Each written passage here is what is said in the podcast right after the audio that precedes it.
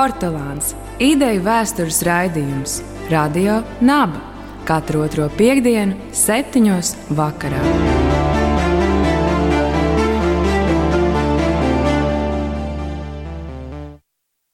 Labvakar! Raidījums Portugāns, ka jūs, dārgie klausītāji, sveic jaunajā 2023. gadā. Jaunā gada pirmo pārraidi mēs iesāksim citādi. Klasisko intervijas formātu aizstās diskusija ar daļrunīgo nosaukumu Bābele un mēs. Kāpēc mūsdienās ir svarīgi runāt par valodu un kultūru daudzveidību? Un šajā diskusijā piedalīsies sekojoši viesi. Pirmkārt, Viesis no Luksemburgas Universitātes, vācu valodas filozofijas un literatūras teorijas profesors Tils Dembeks. Sveiki! Tāpat uh, profesors Raivs Bičevskis, filozofijas ētikas nodaļas vadītājs. Sveiki, sveiki. Un profesors Andris Levāns, vēstures un arheoloģijas nodaļas vadītājs. Labdien! Un kā jau Alažs, jūs visus pieskatīs Rudolf Vītoliņš un Mikls Solovejs. Tad nu sāksim pirmo jautājumu. Kāpēc Bābele? Nu jā, varētu jau domāt, ka tas ir tāds paveicis stāsts no Bībeles, kas varbūt vairs nav tik aktuāls. Uh, bet, ja domā par to, kas tajā stāstā īstenībā ir iekšā, tad uh, mēs redzam no vienas puses um, to domu, ka daudzvalodībā varētu būt kaut kas slikts. Kā nu, fakts, ka cilvēki runā daudzās valodas, ir, nu, tas ir, ir viņam um, sasodīts strāfē. Sots. Sots. Ne, kā tā daudzvalodība, kā tāda, fakts, ka cilvēki runā daudzās valodās, ir sots, kā ar to ir principā nogriezta tā iespēja vispārīgi saprasties, un ka tādēļ cilvēce dzīvo tādā vis, vispārīgā un nemetīgā nemierā. Ja? Tas ir viens stāsts, viens, viens secinājums, ko varētu no šī stāsta izdarīt, un tas ir arī tas galvenais ekseģetiskais um, vēsts, kas no to ir tik, ticis paņemts. Bet no otras puses, eh, mēs jau tur arī varam redzēt to, ka um, nu, tā daudzvalodība, kas tur, kas tur sāk eh, eksistēt pēkšņi, īstenībā ir bagātinājusi cilvēci. Ja? Eh, galu galā Dievs jau pirms tam cilvēkiem bija uzdevis jautājumu, nu, visu to, visu to zemi teikt, kolonizēt un, un visur būt un uh, daudzveidību arī kaut kādā veidā var būt attīstīt. Un zināmā mērā tas, ko viņi mēģināja darīt, viņi būvēja to torni, lai neizšķīstos. Bija arī pretrunā ar to. Tātad tādā subverzīvā lasījumā var būt Bābele arī kaut kas pozitīvs, kas cilvēcei dod daudzveidība arī domāšanā, ne tikai nu, izteiksmes veidi, bet arī domāšana eh, bagātinājusies. Un tādēļ es domāju, ka tas ir svarīgi arī skatoties uz to, kā šodien um, nu, vēl joprojām tā daudzvalodība tiek uzskatīta kā kaut kāds slikts, ja, kas uh, ir šķērslis uh, cilvēciskām attīstībām, attiecībām un, un, un kas, uh, kas var būt. Um, Uh, un, un tajā pašā laikā valoda, kā, kā ideoloģijā, nu, vienvalodībā, kā ideoloģijā, arī ir tāds šķērslis, varbūt citā līmenī, bet mēs to varam varbūt vēlāk apskatīt.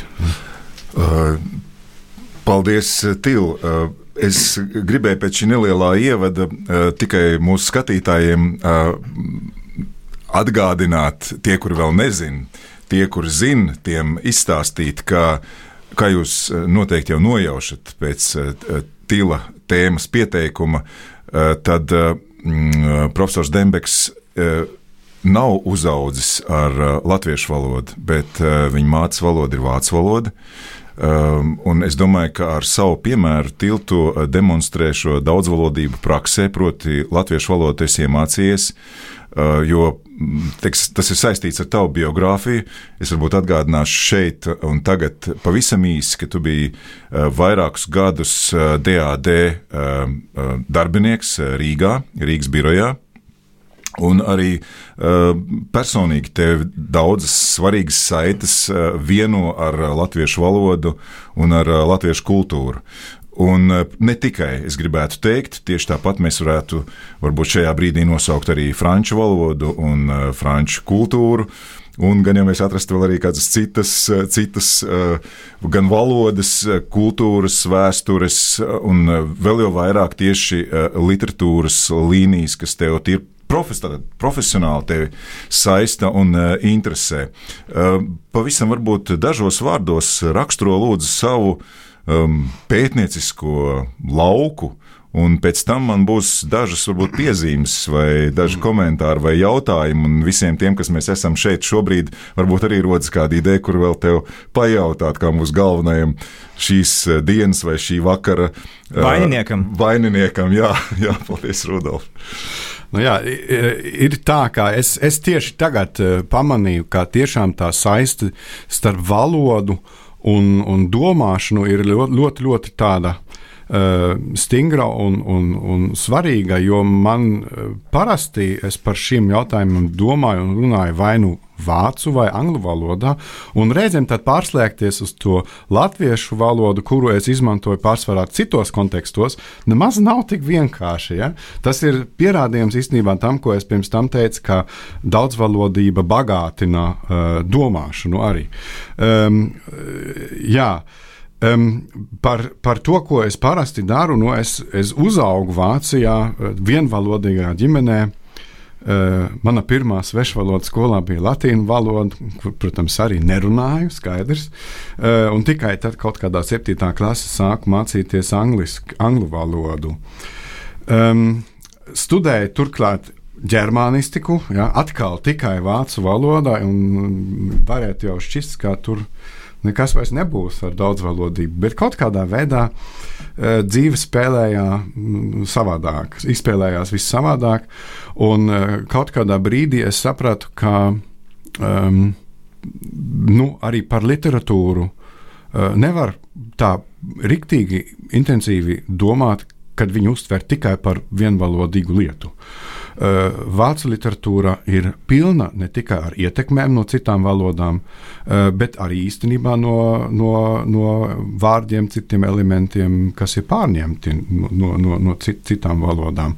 Un to apskatīt ir tas, kas man akadēmiskajā dzīvē īpaši interesē. Man interesē skatīties, kādā veidā literārie teksti izmanto visus tos valodiskas resursus, kas ir un katram rakstniekam ir tā viena valoda, varbūt, kurā viņš vai viņa raksta, bet ir arī citi avoti, un tie tiek izmantoti, jo viņi ir kaut kā kreativitātes avots, kas, kurš, kurš nu, negrib viņus, viņu atstāt neizmantotu. Nu, rakstniekiem ir tā griba kaut ko jaunu un inovatīvu uzrakstīt, un tad viņi izmanto visu kaut ko. Eh, un to vienmēr ir darījuši. Lielākā vai mazākā mērā, bet tas ir viens eh, diezgan būtisks elements literatūras vēsturē, kas nav pietiekoši labi apskatīts. Es domāju. Interese par uh, valodām, par literāriem tekstiem uh, jau uh, tavā pētniecībā ir visciešākā veidā saistīta arī ar sociālām zinātnēm, ar filozofiju, un nu pat mēs vēl pieminējām. Pirms raidījuma uh, vairākus L burtus. Varbūt par tiem tu vari klausītājiem ko pateikt. Jā, es par tiem L-burtiem es tā vēl īsti nezinu. Varbūt, lai, lai atklātu noslēpumu, vispirms pateikšu, ka eh, man, man eh, ir ļoti tuvu daži teorētiķi, kuriem uzvārdi sākas ar L-burtu. Tas ir Niklas Lūmans, vācu sociologs, Bruno Latour, franču nu, arī sociologs un zinātņu vēsturnieks. Um, un, un, un, un, um, Un, un tad, kas, kas bija trešais? Lotmans, Jā, Lotmans. Lotmans, protams, Jurijs Lotmans, slavenais. kā varēja viņu aizmirst? Slavenais. Um, Tārtu Universitātes jā, semiologs, literatūras zinātnieks. Um, un uh, interesantais uh, tajā, tajā, tajos visos um, te, teorētiķos ir tas, kā, kā ar viņiem var literatūru um, nu, situēt kaut kādā veidā, tādā plašākā kultūrālā telpā un, un sabiedriskajos eh, struktūrās. Uh, kā, kā precīzi tas varbūt tagad ir, būtu bijis par daudz, lai visu to izstāstītu. Uh, bet tieši runājot par valodu, valodu un daudzvalodību, es uzskatu, ka tam tāda diezgan. Mm, Tāda diezgan tiešā nozīme vienmēr ir politiskā nozīme, tāpēc ka te iet runa par uh, saprašanas robežām.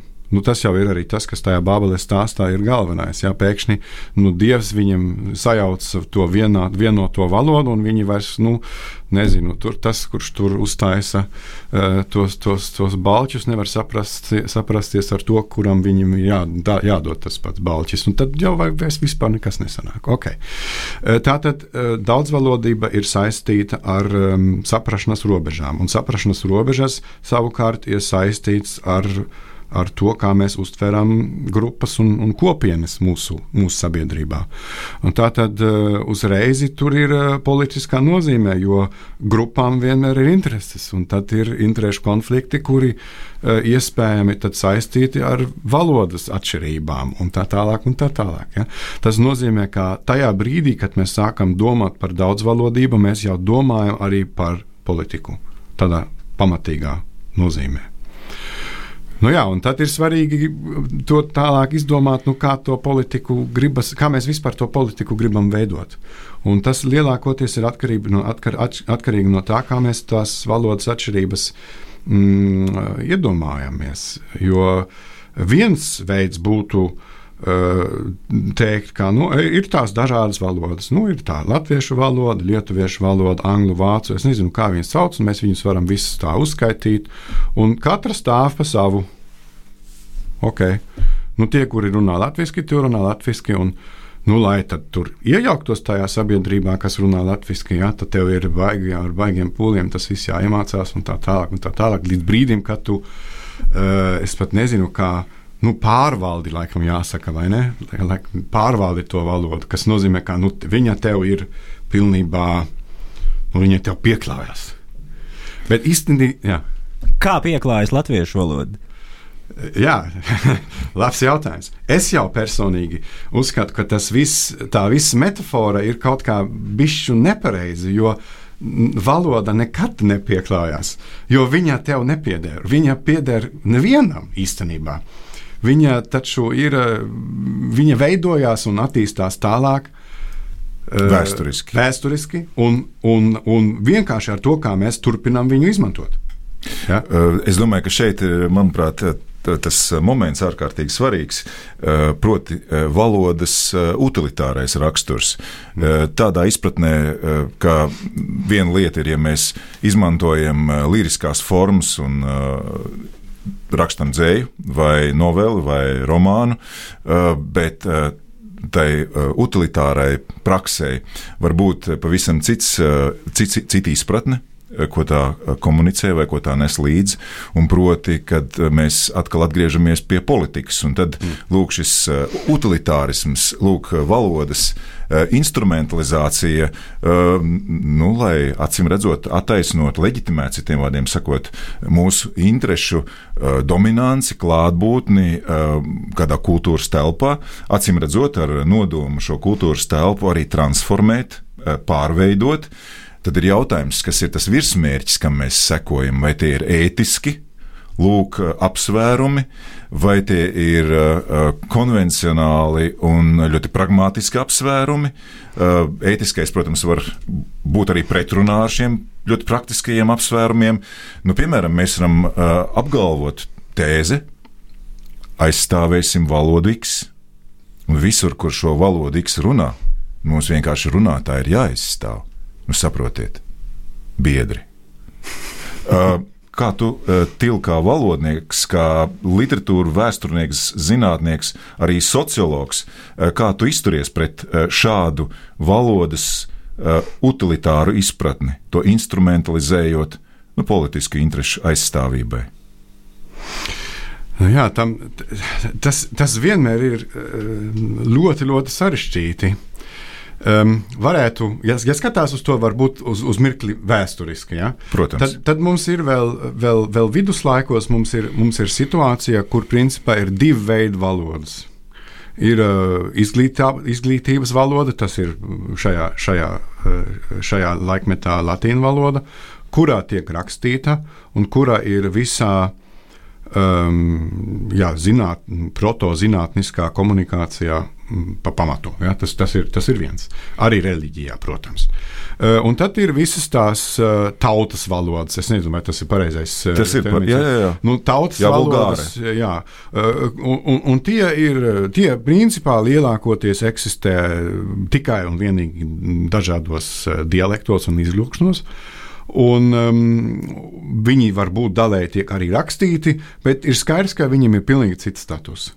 Un tad, uh, kas notiek uh, sekojošajos gadsimtos, ir tas, kā, kā, kā šitie te taut, šitās tautas valodas uh, pārformējās, un viņi principā emancipējās un paliek arī par tādām izglītības valodām. Uh, viņus izmanto zinātnē, uh, jurisprudencē un visajos uh, tajos citajos jomos. Nu, Viņi piemēram, paliek- čehu valoda. Jā, Sākot ar čehi- 14. gadsimtu. Jā, jā. latviešu valoda, vācu valoda, vi- visas šīs valodas, viņa tajā, mm. tajā procesā tiek standartizēti. Eh, Dialekti, protams, vēl joprojām eksistē, bet eksistē arī tādi standarta varianti, kuri, kuri nu, tā rakstiskā valoda, um, kura, kurā ir eh, standartizēta un norm- normatizēta, un eh, tādēļ arī um, tā valoda, kurā var izmantot, lai to zinātu, piemēram, veidotos.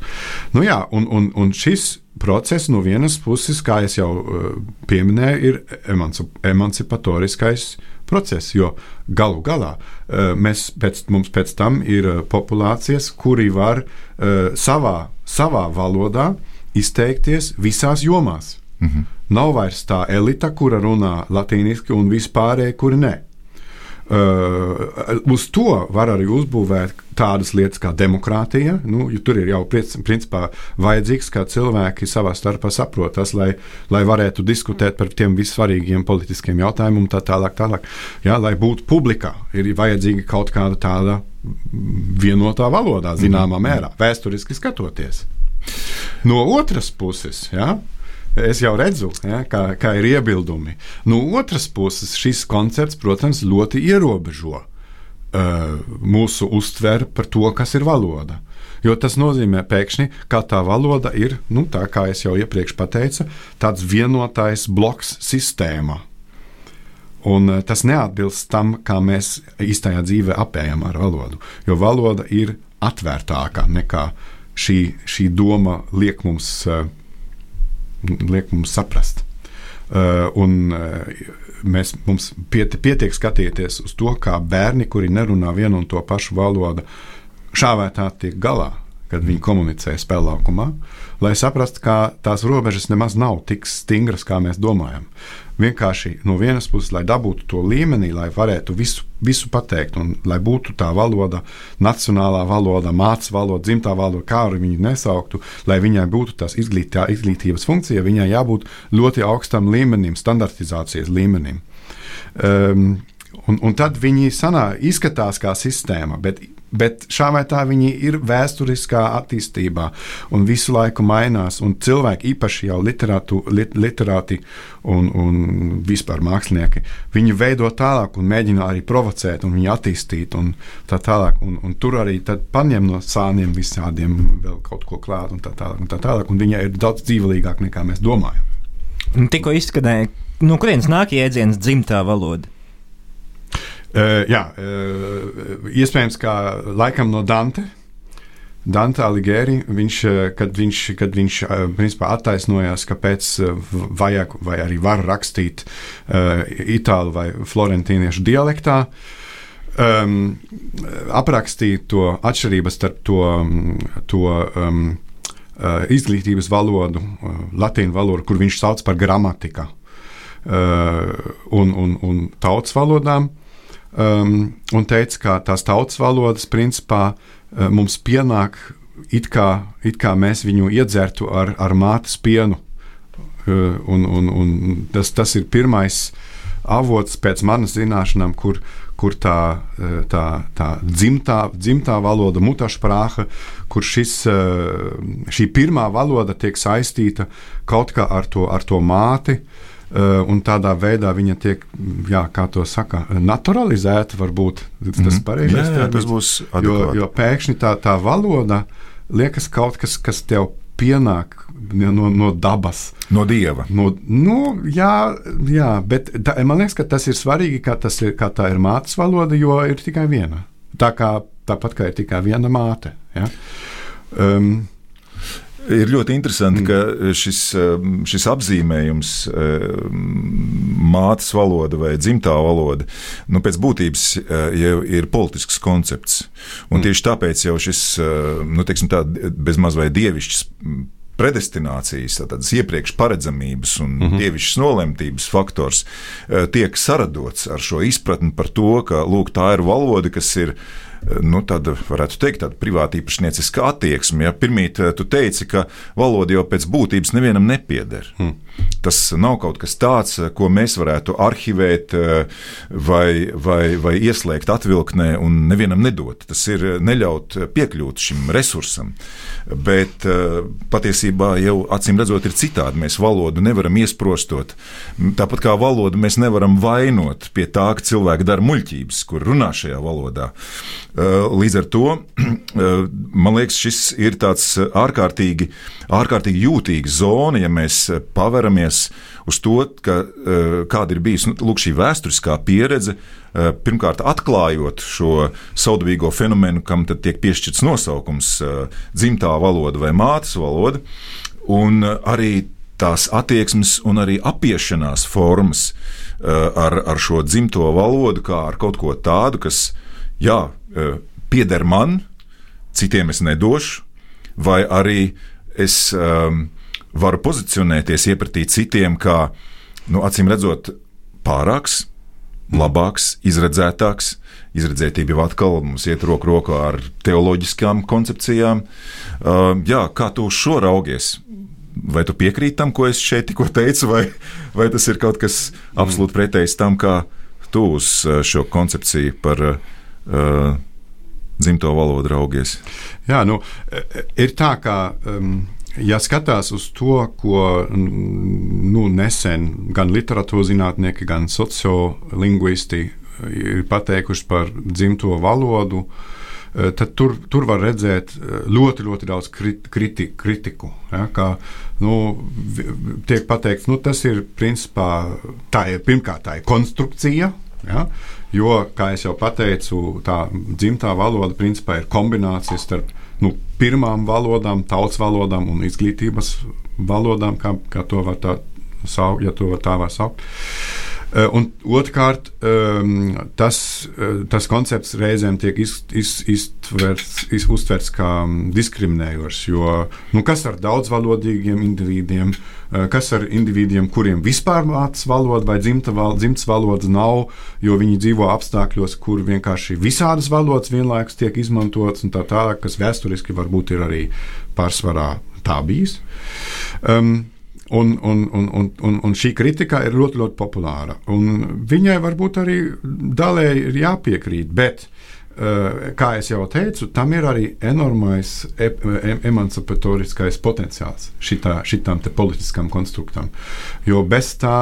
Um, nu, piemēram, grūti iedomāties demokrātiju. Ļoti grūti iedomāties. Tā, tas, tas, es, man, mēs redzam, piemēram, kas notiek, ja mēs iedomājam daudzvalodīgo, daudzvalodīgo demokrātiju.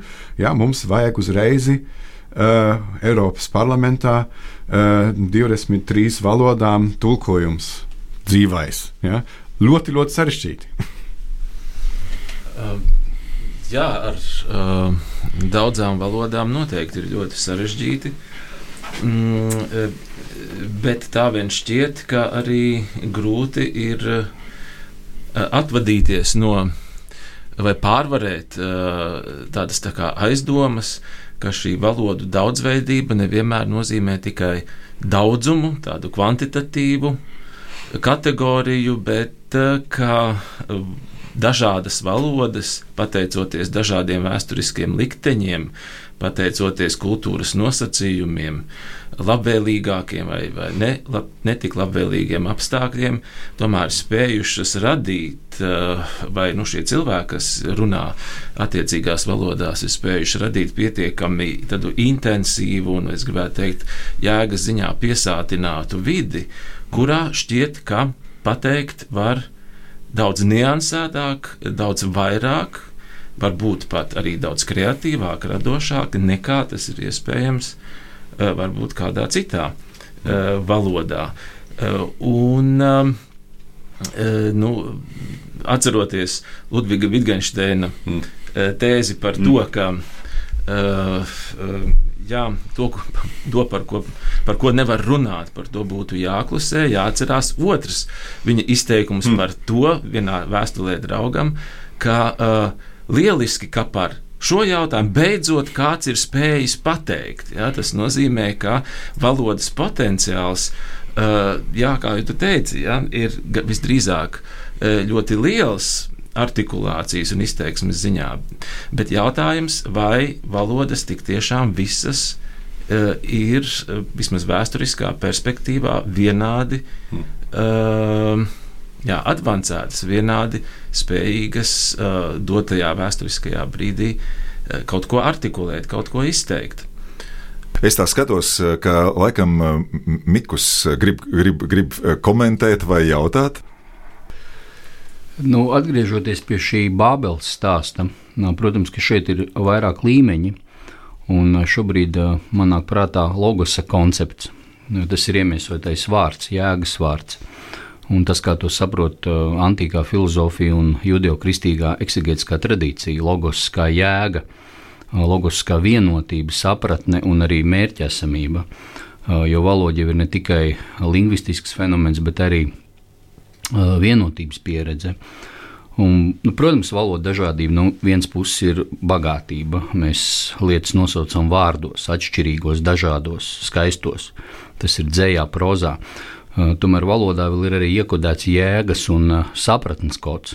Jā, nu, vienkārši sakot, ka cilvēki viens otrā ieklausās un arī saprot. Un Bābeles stāsts nu, šeit parādās kā tāds lūzuma punkts, ka starp cilvēkiem pazūd vienotība Un ne jau tikai tiek sajauktas valodas, bet cilvēki viens otru vairs nesaprot. Tad saskaldītība un nesaprašanās. Un valodas sajaukšanās jau ir kā simbols. Jo mēs jau zinām, ka var arī runāt vienā valodā, bet viens otru nesaprast, iespējams, nepareizi interpretēt dažādas zīmes. Un te tad arī jādomā, kas tad tas logos ir, kas cilvēks vieno. Ja nu, ceļa sākumā mēs redzam, ir Bābele, tā saskaldītība, tad caur Bībeles tekstu mēs ejam, un tas mūs aizved līdz eh, vasaras svētkiem, kas ir kā tāds vienotības simbols. Eh, kad apstuļiem eh, Kristus kļūst tas logos, iemiesotais vārds. Un viņi runā dažādās valodās, un cilvēki viņus sāk saprast. Jā, ienāk telos, mērķis, logos, jēga, kad ir tāda viengabalainība, sapratne savā starpā. Un vēlāk tas būs arī tāds vienotības un jēgas pamats, uz kuriem dzimis visa rietumu civilizācija. Un tajā pašā laikā nezūd atšķirības starp tautām, saglabājās valodu bagātība, lingvistiskā daudzveidība. Mēs redzam, būs Augustīna grēksūdze latīniski, Nareks Grigora žēlapgrāmata armēņu valodā, Dante, dievišķā komēdija itāliski, Lutera bībeles tulkojums vāciski, Glika tulkojums latviski, nu gal galā kaut vai Knuts Skujnieks, Braila rakstā. Ja logos, eh, kā ceļš, vienotību uz jēgu, eh, bet saglabājot to valodu dažādību. Nu, varbūt šeit ir kāds komentārs. Jā, um, es domāju, ka svarīgi šeit ir, kā mēs iedomājamies to logos. Um, nu, tajā vasaras svētku uh, tradīcijā tas jau tas, kas vieno visus, visu cilvēci, Un, un, un princip, ir, protams, ticība. Nu, tā. tas, tas ir skaidrs. Un, un, un ticības vārdā uh, no vasaras svētku piedzīvoto jau arī tiek um, secināts, ka, ka ir vajadzīga misija. Tas, tas, tas, tas, iet, tas viens iet roku rokā. Jā, jā, tieši tā. Um, un, un, un tā, tādā veidā šī, šī, šī veida logos ir tāds, tāds vienotājs. um, ja, ja mēs skatāmies uz, uz uh, filozofisko racionālismu, tad mēs varam sastapt diezgan līdzīgu fenomenu. Kā, kā tās daudzas valodas, kuras cilvēki kaut kā runā, viņi tomēr kaut kādā veidā uh, dažādās, dažādās veidās, uh, savās dažādās veidās, viņi principā izsaka to vienu uh, un vienoto cilvēcisko um, nu, garu vai kas ir nu, vernunft, vāciski pateikt. Saprāts. Saprāts ja? Um, Un, un, un kā principā uh, vislabāk būtu, ja mēs iztiktu vispār bez valodām un tikai formulās runātu. Ja? Tas, tas būtu tā, tā, tas viens veids, kā to logos saprast. Tas otrais, tas ir laikam, tas, uz ko, uz ko Raivis vairāk aizgāja, būtu, nu, piemēram, Humboldt ziņā runāt par to, ka um, ir, ir kaut kas tāds, kas uh, ar, visām, ar visiem šķērsliem tomēr mums vieno, bet tam nav tā, vienotā, tā, tā vienotība, kas ir tam logos tajā vai no nu ticības, vai arī racionālisma uh, tradīcijā. Uh, man liekas, ka mēs šobrīd tādās ļoti vi, uh, teorētiskās kategorijās operējam ar dažiem, dažiem atsevišķiem piemēriem, un varbūt ir laiks beidzot iespēlēt kādu, kādu piemēru. Šis, šis piemērs ir kāds, kurš jums, um, dārgie draugi, varētu būt pazīstams. Uh, proti, runa ir par kādu mm, Hamburgas pilsētas sindiku. Albertus Kransijus bija viņa vārds. 1491. gadā viņš nonāca Livonijā, un proti tā bija patiesībā politiska misija. Un viņš savā uh, vēsturiski politiskajā, bet arī vienlaicīgi filozofiski literārajā darbā Vandālija, uh, kas iznāca pēc viņa nāves 1521. gadā, un te varbūt atliek paturēt prātā to, ka tas, šis darbs iznāk burtiski, varētu teikt, tajā politisko kaislību mutulī, proti, reformācijas, protestantiskās reformācijas laikā, ir kāda epizode, kur viņš apraksta to, kā viņš ir juties un ko viņš ir pieredzējis Livonijā. Un viena šāda ļoti skaista, eh, izteiksmīga epizode vēsta to, ka viņš ir izbrīnīts pirmkārt par daudzajām valodām, kas Livonijas vēsturiskajā telpā tajā brīdī šajā politisko teritoriju konglomerātā tiek runāts. Tā ir līvu, letu, kūru, zemgaļu. Arī viņš sastopas ar latīņu valodu pilsētu kancelējās, viduslējas vācu valoda un tā tālāk. Viņš saka, bet ir viena nelaime. Tā nelaime ir tāda, ka šie cilvēki savā starpā nesaprotas. Līdz ar to tās daudzās politiskās problēmas, kas 1490. gadu sākumā plosīja Livoniju, Tur, protams, ir tāds spožs personāžs kā uh, Walters uh, von Plettenbergs, uh, kurš ar dažādām viltīgām un spēka metodēm prot risināt sarežģītus jautājumus, bet ir citi jautājumi, kuri būtu risināmi bez tātad, kara spēka un kur būtu vajadzīgs garas spēks. Tas, ko viņš atzīmē pie visa šī, ir tas, ka viņa prāt būtu nepieciešama viena kopīga valoda, kurā visas šīs dažādas grupas, kurām ir tik dažādas un ļoti atšķirīgas intereses, un kuras tomēr gaida un tiecās pēc miera. Livonijā, ka viņi spētu saprasties, bet viņš saka vēl vienu lietu. Viņš saka, jā, nu lūk, tā problēma ir tāda, ka varētu jau viņi iemācīties varbūt visu to vienu valodu, bet uh, nav lūk jēdzienu, kur viņiem ļautu reflektēt, eh, formulēt, izteikties par politiku, eh, proti, pietiekoši niansēti un smalki. Tātad viņš kā vērotājs, kā svešinieks, viņš konstatē, ka šīs valodas, vietējās valodas, ir nepietiekošas politiskai komunikācijai. Savukārt viduslejas vācu valoda, kas būtu lūk, šī lingva livonika, Tātad šī Livonijas universālā viena valoda, kur visi šķiet saprot, un tomēr nē, ka arī tur šo instrumentu, valodas instrumentu ir par maz. Tad pietrūkst šī vokabulāra, kas ļautu tad jau tādā modernā, tā laika izpratnē, līmenī spriest un runāt par politiku un atrast kopsaucējus, kas viņiem ļautu vienoties un arī tad konstruktīvā manierē lūk, novērst tās iekšpolitiskās, bet arī ārpolitiskās problēmas, kas viņiem neļauj dzīvot mierā. Un tas, kas vēl ir pie šī interesanti, mēs redzam, ka Alberts Krants. Uh, intelektuāls, garīdznieks un tā tālāk, un tā joprojām diplomāts, ka viņš patiesībā runā caur lūk, šo um, uh, vecās derības bābeles uh, lūk, uh, tēla palīdzību. Tātad tā ir tā prizma, caur kuru viņš skatās uz tagadnes notikumiem. Un manuprāt, ka šis, uh, es ceru, ka uh, jūs piekritīsiet, darbie draugi, ka šī nelielā ilustrācija ir tā, kas ļauj mums varbūt ieskatīties nu, praktiskajā dzīvē. Uh, tātad, ka daudzas valodas var būt lūk, kā kavējošas vai traucējošas apstākļus, lai cilvēki lūk, spētu vienoties un viens otru saprast un risināt patiešām eksistenciāli nozīmīgas uh, problēmas. Kaut gan tieši Alberts Krants ir tas, kurš uh, sajūsminās par lūk, šie, šo daudzveidību. Viņš ar, varētu teikt, kā entomologs, kurš atradzis ir un ieraudzījis ir krāšņu tauriņu, kur viņš nepazīst. Viņš ir gatavs noskriet, noskriet pusi pasaules, lai šiem tauriņiem tiktu klāt un varētu izpētīt viņu kājiņas un spārniņus. Bet tāds neliels pavadiens, ik pa brīdim mums ir um, valodas salīdzinājums. Tātad es dzirdu arī, Andri, jūs sakat, uh, Viņš teica, ka valodā nevar izteikt politiskas kādas lietas, jā, vai, vai arī mēs, vai vispār mēs zinām, kultūras nevar salīdzināt. Katrai kultūrai ir savu savdabību, un arī tad, kad mēs salīdzinām valodas, vai tas tomēr nav bīstams ceļš. Jo tas uh, skatu punkts ir, vai tajā valodā to var pateikt, vai tā valoda ir bagāta, tad mēs neesam nu, tālu līdz tam, ka mēs sākam vērtēt, tā nu varbūt tā valoda ir mazāk vērtīga. Un ja mēs sakam, ka mazāk vērtīga valoda, jeb mazāk bagāta valoda, kur mēs varbūt nepazīstam.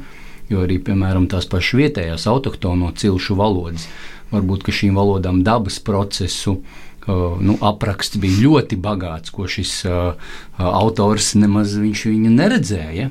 Viņš vērtē no savām politiskām, teoloģiskām kategorijām. Mm. Varbūt kāds komentārs. Ja, um, tas ir. Tas ir, es domāju, ka ir tiešām interesanti uz šo uh, jautājumu skatīties no kultūras skata punkta.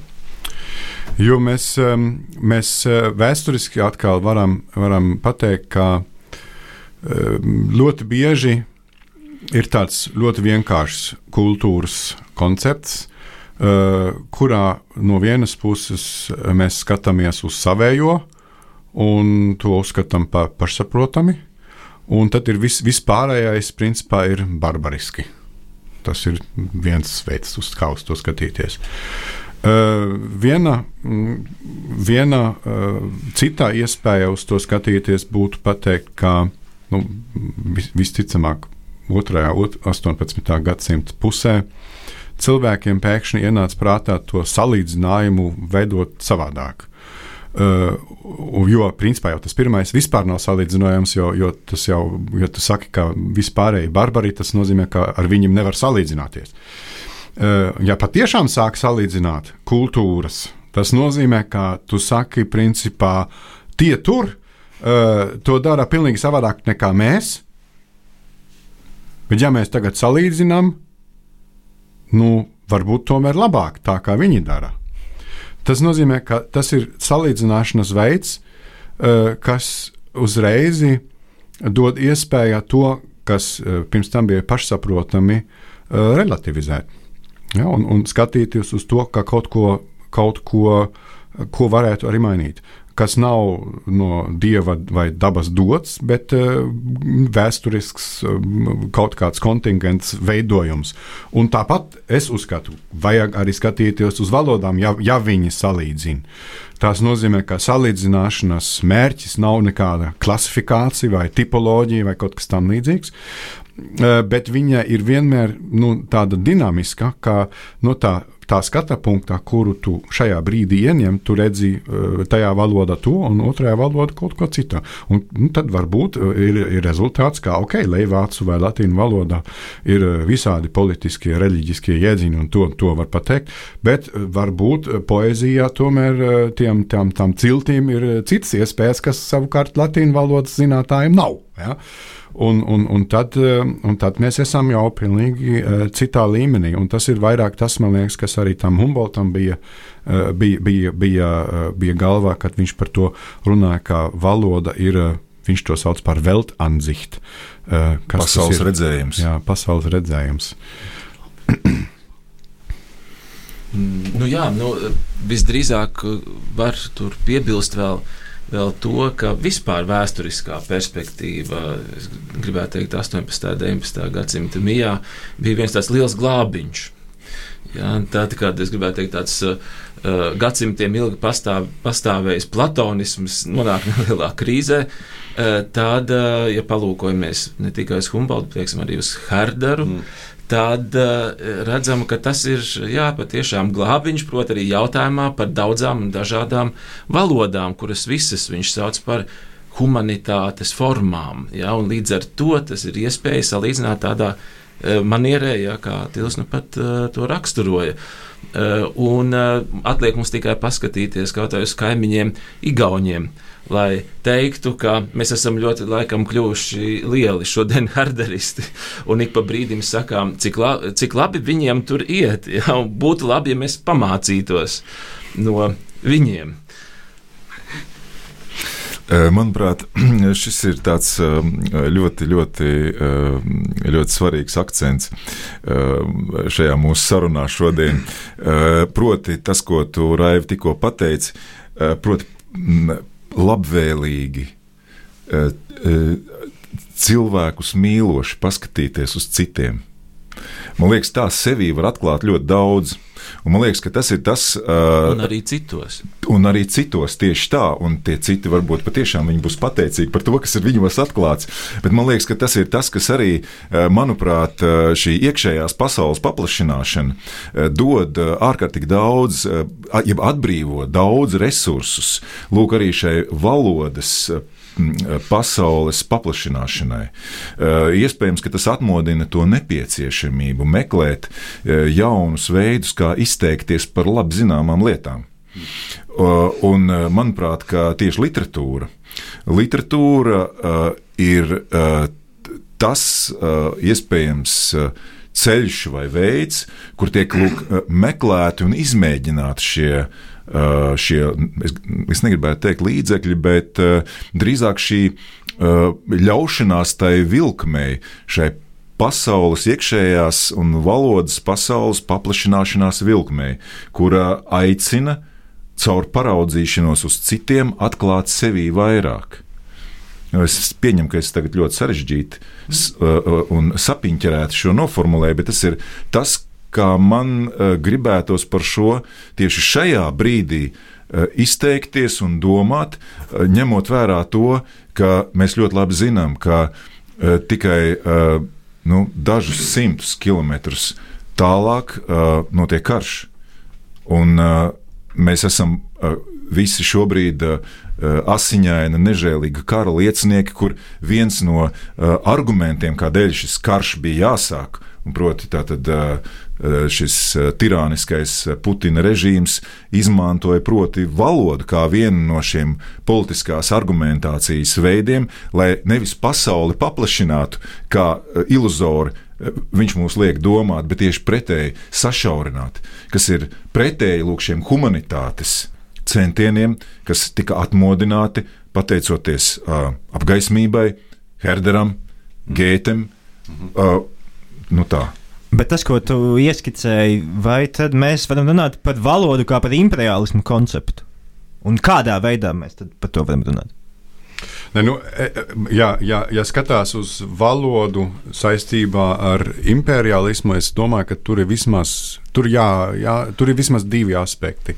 No vienas puses, protams, ir tas, ko mēs tagad redzam, nu, tāds valodas imperialisms. Kā, tas nozīmē vienkārši, ka grib visiem uzspiest vienu valodu. Ja? E, tas var, var gan notiekt ar, ar militāriem līdzekļiem, bet, protams, ja piemēram klausās um, ko saka franču uh, kultūras telpā, ja, tad viņi visi uh, šausminās par angļu valodas imperialismu, kas ir tāds maigs imperialisms, bet tā vai tā uh, spiežas visus to, kā tikai angliski runātos. Okay. Tas ir viens. Bet tas otrais uh, valodiskais vai valodas imperialisms, kuru mēs varam vērot, ir tieši šitais kol, kolonis, kolonizatoriskais skatiens, varbūt tā varētu pateikt, kurā um, tu skaties uz tām pārējām valodām, teiksim, kuršu, uh, letu, līvu, uh, kā uz tādiem, nu, kuriem tāds deficīts no civilizatoriskā skatījumā. Ja? Um, Un, un, un, un tas, tas, ir, tas ir sastopams visos kolonizatoriskajos kontekstos, piemēram, 19. gadsimtā, vēl 20. gadsimta sākumā, briti kolonizatori Indijā mēģināja saprast, kas tur vispār par valodām šajā zemē, kur ko. Un tad viņi taisīja aptaujas un, un prasīja cilvēkiem, kurus valodas viņi runā. Un tad viņi sūdzējās par to, ka nu, tie cilvēki to nezina. Viņi nezina. Viņi saka, nu, šajā, šajā ciematā mēs runājam to, un tad uh, tur tajā ciematā tā, bet ja tur brauc tur, un tad viņi tur uh, uzskaitīja entos dialektus, pat kad, kad Briti uzdeva jautājumus, jā, bet kurai valodai pieder šie dialekti, tiem nebija atbildes, jo viņiem tā koncepcija vispār nebija. Un savukārt, at, un atkal tie briti nāca ar deficīta diagnozi. Nu, tie pat nezina, kas ir valoda. Bet viņam vienkārši bija cits koncepts, kā domāt par valodu, jo valoda viņam uh, bija resurs, kuru izmanto pēc situācijas. Un, un tas ir arī vēl, vēlreiz kaut kas, ko es jau mēģināju pirms tam pateikt. Uh, mūsu ikdienā mēs to arī tā darām. Mēs izmantojam citu valodu uh, citās situācijās. Eh, es runāju savādāk ar saviem vecākiem nekā ar saviem draugiem. Tas varbūt viss izklausās vāciski, ja, manā gadījumā. Bet tomēr tas ir tie dažie, dažādie repertuāri. Nu, valod, valodniekiem tur būtu smalkāk to visu pateikt. Uh, bet eh, man, tas, kas man svarīgi, ir tas, kā valoda mainās pēc situācijas. Un, un tas ir kaut kas, tā ir tāda kustība, kas, kas dod tai valodās daudzveidība tādu noteiktu uh, atvērtību. Ja? Jo eh, ar šo mēs varam visi iejusties citās situācijās, un tādā veidā mēs varam iejusties arī citās, citās veidās, kā izmantot valodu. Tad uzreiz vairs nav šīs imperialistiskais. Eh, nu, te ir šī valoda, te ir tī, šī valoda, šeit ir šī valoda, dalīti viņi ir un viņam jābūt tajā kastītē. Uh, un tajā ir šī īpašības, tajā ir šī īpašības, un tajā ir šī īpašības. Tā ir labāka nekā šī klasifikācijas modelis, kā jau iepriekš teicu. Um, bet tad valodas vienkārši ir resursi, kuri nevienam nepieder, kuri mēs visi varam mācīt, iemācīties ar daudz pūlēm, saprast ar daudz pūlēm, varbūt, bet kuri mums tad arī dot, dot iespēju uh, tikt tālāk pie saprašanas. Lai atrastu citā kaut kas vērtīgs, citu skatījumu un paplašinātu savu skatījumu uz pasauli. Es domāju, ka tas ir tas, kas daudzvalodībai ir pozitīvi un mēs, kas mums visiem vajadzētu uh, būt uh, nu, tāda svēta lieta īstenībā. Nu, mēs laikam esam pietuvojušies ļoti strauji, uh, iedami dažādu valodu, dažādus ceļus. Esam pietuvojušies finālam. Mums laikam šovakar šī saruna ir jānoslēdz. Nu jā, es domāju, ka vietā neliels kopsavilkums, jo nu, sarunas ga gaitā ir izsviesti daudzi potenciāli āķi un pavadieni, kas mainījušies ārkārtīgi dažādos virzienos. Šādi uh, Bābeles tornim kalpojot par visai ietilpīgu metaforu arī mūsu šī vakara sarunas raksturojumā. Uh, sarunas gaitā daudzvalodība no uh, rašanās, jeb sākotnes mīta, ir pārvērtusies kā hubris, jeb sots un apgrūtinājums, lai tad atkal pārmainītos par nepakļaujamu, nevienam nepiedarošu kopienas individualitātes formu. Šādi, piemēram, blīvais jēdziens, dzimtā valoda patiesībā atklājas kā konstrukts starp tautas valodām un izglītības valodām, tā saucamajām. Vairāk kārt sarunā ir brīdinoši izskanējis, ka neviena valoda, ja vien tā nekļūst par formulu, nevar ietvert un izteikt jebkuru reāliju no politikas līdz dabai, kā to rāda gan piemēri no Britu Indijas vai 15. gadsimta Livonijas. No vienas puses, šie limiti spēja mūs iedvesmot uz savas iekšējās pasaules paplašināšanu, izmantojot valodas sniegtos līdzekļus.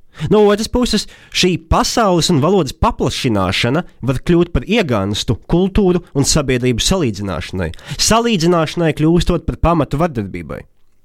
Vienlaikus no bagātīgas kultūras formas valoda spēja atkal pārtapt politiskā rīkā, kas savā būtībā nav nekas slikts, līdz brīdim, kamēr pretenzijas uz valodu neieņem imperiāla domāšana un rīcība.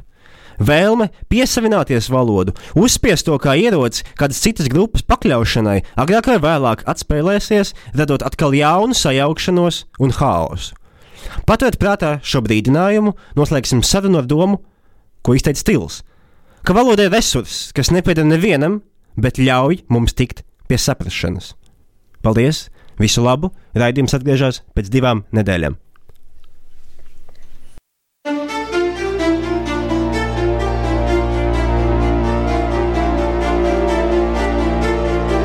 Portugāns - ideju vēstures raidījums Radio Naba katru otro piekdienu, septiņos vakarā.